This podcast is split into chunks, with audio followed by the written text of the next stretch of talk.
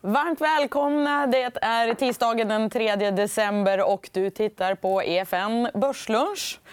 Vi tänkte ta och haka på den här trenden och snacka hållbarheter. Trenden, och då syftar jag såklart på Madrid och det stora mötet där. Vi eh, fortsätter med hållbarheter.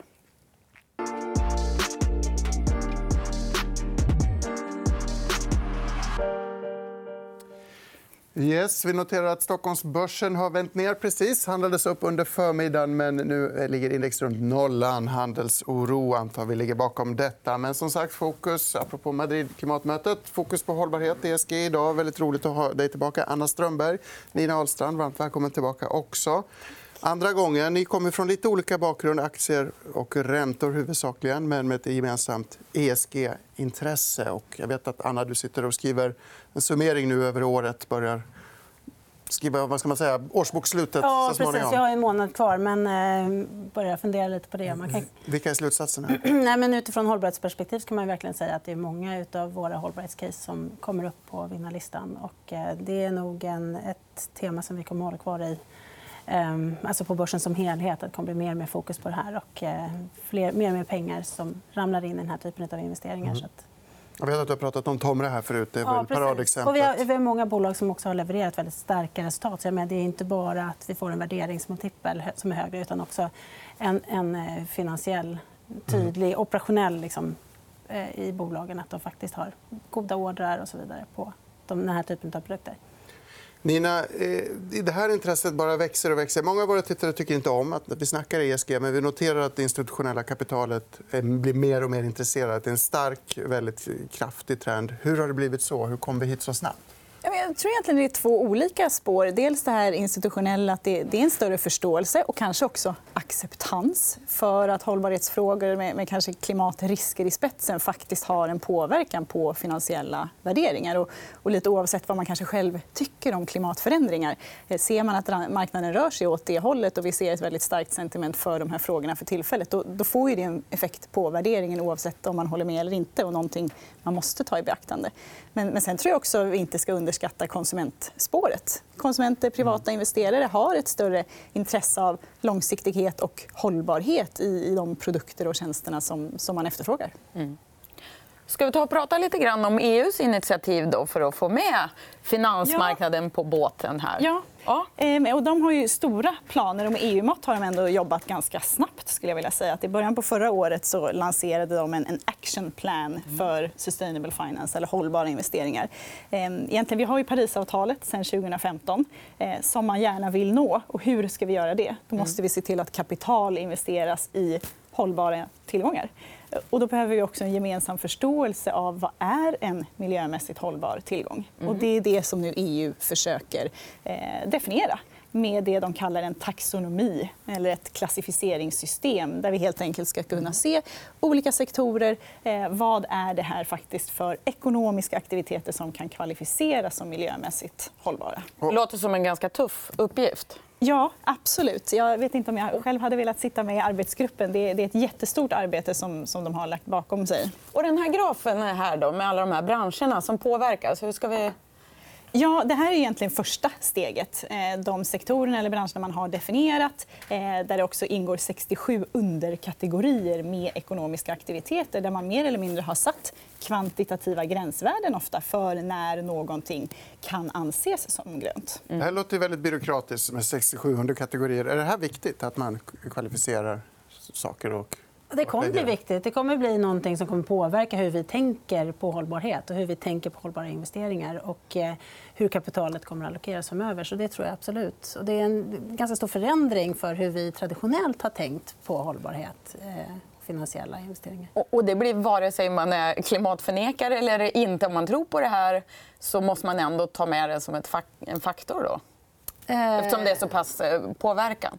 Ja, det, det kommer att bli en faktor. Sen om man men... väljer att lägga in det eller inte, det är upp till var och en. Men nu har vi ju sett en ganska tydligt tecken på att det här med hållbarhet och finansiell liksom, tillväxt och lönsamhet faktiskt eh, hör, går hand i hand. Så att, mm. Eh, det tror jag är...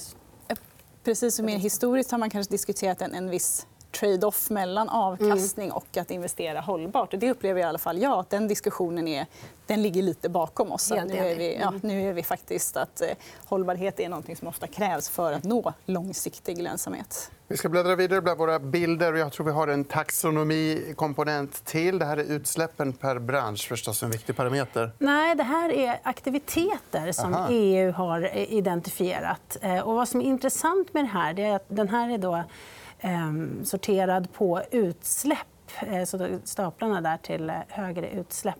Och då kan vi se att många av de här eh, aktiviteterna som man tar med då, eh, faktiskt är eh, några av bovarna. Och det här är väldigt, väldigt spännande och liksom ett nytt sätt som inte traditionellt har varit kanske det mest tongivande när vi har tänkt på hållbara investeringar. Att det handlar om att komma åt de sektorerna som har högst utsläpp. För Det är de som också kan dra ner på utsläppen och faktiskt hjälpa till med omställningen. Så att. Eh, är det här vår tids stora ESG-fråga? Att man går från att undvika till att gå in och titta? På ja? Att vi går från att undvika... Eh, det tror jag vi har gått vidare från, i varje fall i Sverige. Eh, att vi börjar titta på möjligheterna inom hållbarhet, inte bara liksom vad vi inte investerar utan vad, vi, vad, som, vad möjligheterna är. Men det här tar det ett steg till. Att vi faktiskt inte bara ska hitta de här cleantech, gröna och sköna bolagen som så uppenbart är, är hållbara utan faktiskt hitta de här lite problematiska sektorerna som har ett omställningsarbete framför sig och som verkligen kan göra en skillnad om de lyckas med, med sin omställning. Vi ska hitta bovarna kan man säga så, och försöka Nej, inte hitta bovarna. Dem. Vi ska, vi ska, hjälp, vi ska hjälpa liksom de problematiska sektorerna. Bovarna ja, men, klimat, att, bli, att bli grönare. Så hur kan det fungera? då? Vi har en, ja. En platta här som visar... Eh, ja. Så en, en, en sektor, som kanske inte är så viktig i den här delen av världen, men liksom cementtillverkning tar ju väldigt mycket eh, utsläpp eh, ger upphov till väldigt mycket utsläpp. Och ett sätt att tänka på det här då, är att man tittar på cementtillverkning. Man tittar på ett mått då, som då är, är CO2 per, per producerat ton cement.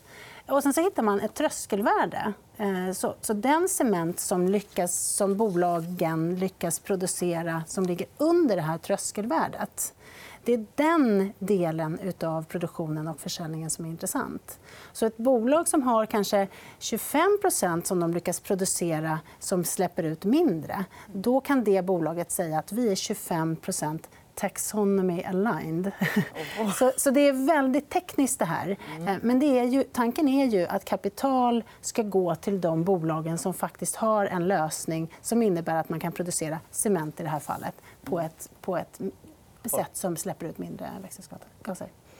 Och man kan ju säga att det har ju fått viss kritik också just för att det är så detaljerat och med väldigt kvantitativa tröskelvärden och, och i vissa fall att man nästan behöver vara en klimatforskare för att kunna läsa av om någonting faktiskt kvalificerar eller inte. Och sen är det ju såklart det är viktigt att hitta en definition av grönt men också att se till att de som är på rätt väg också kommer in och får kapital. Och, och I vissa fall så, så, är det vissa som också anser att vissa av de här tröskelvärdena ligger väldigt, väldigt högt idag som kan göra det svårt för bolag som ändå rör sig åt rätt håll men man är inte i mål än. Och det är väldigt viktigt att vi också ser till att vi får med oss alla dem på, på vägen. Så vi inte straffar dem? Då. Ja, men lite så. Men det låter som en tydlig guide som institutionella placerare kan benchmarka sig mot. Och eh, kan det snabba på flödes, inflödet av stora pengar i i rätt bolag? Så att säga. Ja, det är en tydlig guide. Den är tydlig mm. och mm. problematisk. absolut. Eh, men det, det snabbar på inflöden i mer det som kallas för impact investing eh, snarare än, än eh, mm.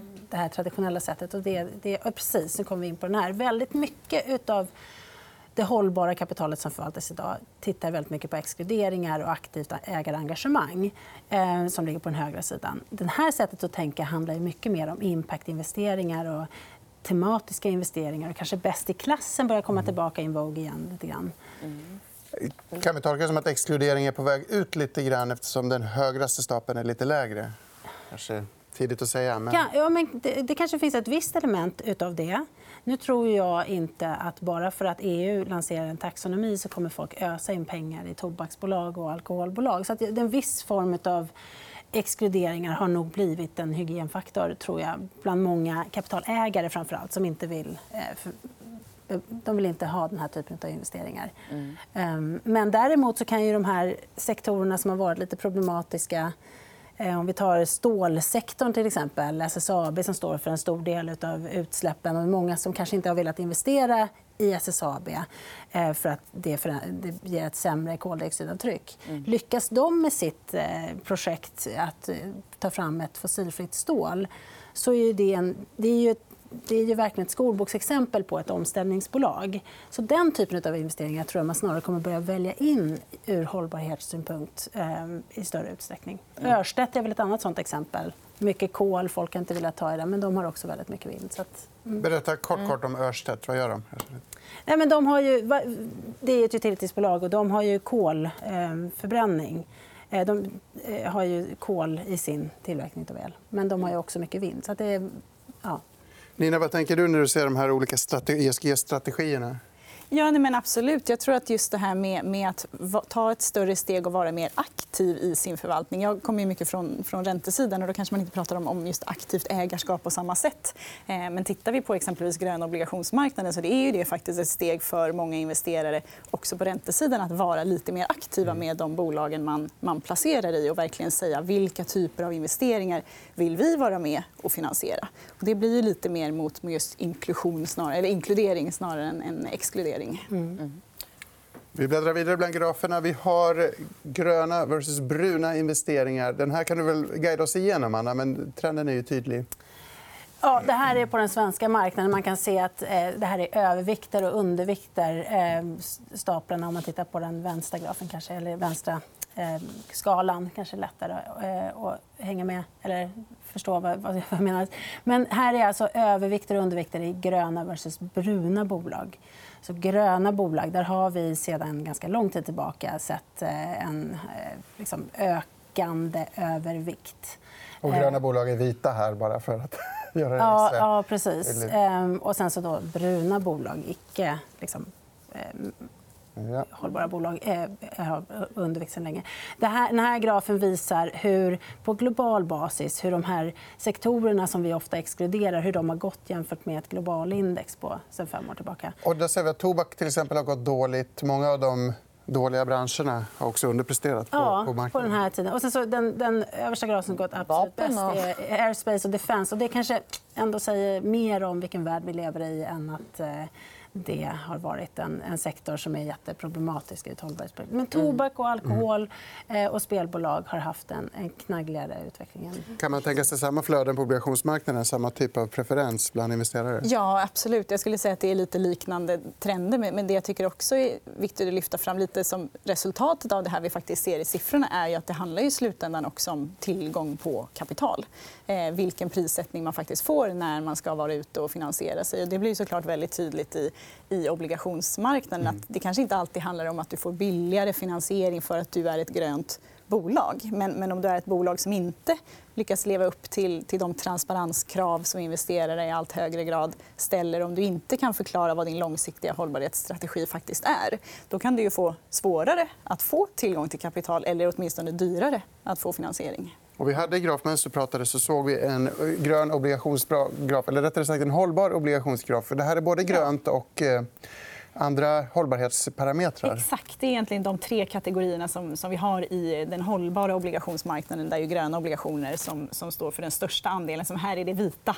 Mm. Ehm, och, och, det har ju varit en enorm tillväxt. Ehm, det här egentligen visar att, till, på vänstra sidan att Europa ligger absolut i framkant. Det här har till och med lyft ut Norden för att visa att Norden faktiskt står för en, en stor andel också av marknaden. Men i övrigt det är en global produkt där vi ser tillväxt i, i alla områden.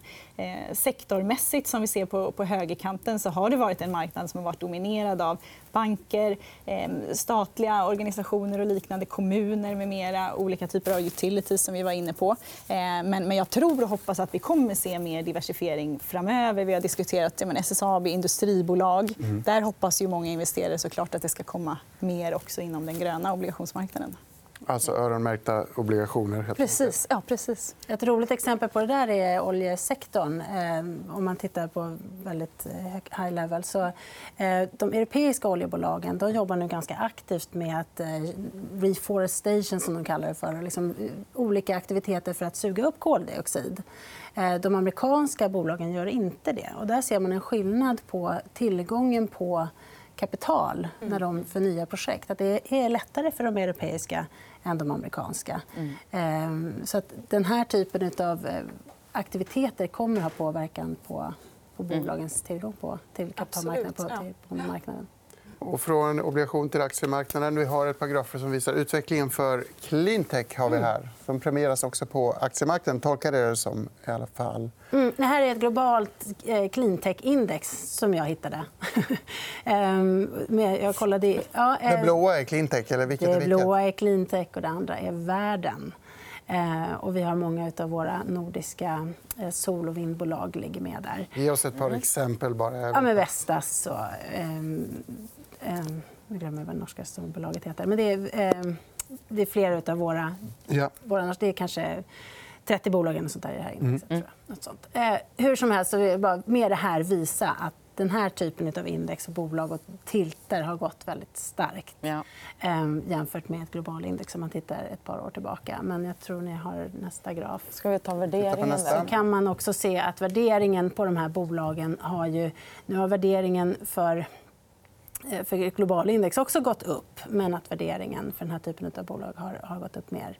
Eh, så att vi ser, det kan man också se eh, som ett väldigt styrketecken. att Vi är villiga att tänka mer långsiktigt. Vi är villiga att dra ner mm. riskpremien. Vi är villiga att betala upp för den här typen av trend och tillväxt. Så slutsatsen blir att vi ska inte avskräckas av den höga värderingen. Vi tror att vi är bara i början på Eh, en omstrukturering som kommer att tillåta ännu högre värderingar eller ännu högre premier för det är så svårt att prata om det som ett sånt generellt... Alltså, det blir ju väldigt mycket bolag till bolag. Vilka bolag är man villig att betala upp en högre premie för och vilka är man inte villig för att göra det för? Men generellt så tror jag att den här typen av trender kommer investerarkollektivet ha en längre investeringshorisont eh, och kommer ha en lägre riskpremie. Så det tror jag, mm. båda för att det kommer ligga en högre värdering. Mm, nu är vår tid eh, mm. snart slut. här, men bara väldigt kort om jag sitter och tittar på det här nu. Och vi hade våra FNs hållbarhetsmål här bakom oss. De här kriterierna. Om jag nu vill ESG eh, e min portfölj där hemma lite grann. Du var lite inne på SSAB. Har du nåt annat tips? Ja, men det finns ju väldigt många på den Kort. Eh, nordiska marknaden. Vi har nämnt ett par här. Men Nibe, Tomra, Vestas eh, eh, är ju bra exempel på det. Vi har också ganska traditionella industribolag. Hexagon, Sweco gillar vi som håller på smarta, komplexa, hållbara städer. Vem planerar dem? Ja. Det är industrikonsulterna. Bra. Så det finns mm. en hel del bolag som, som spelar in på det här temat och har en tydlig tillväxt och lönsamhetsprofil som drivs av det.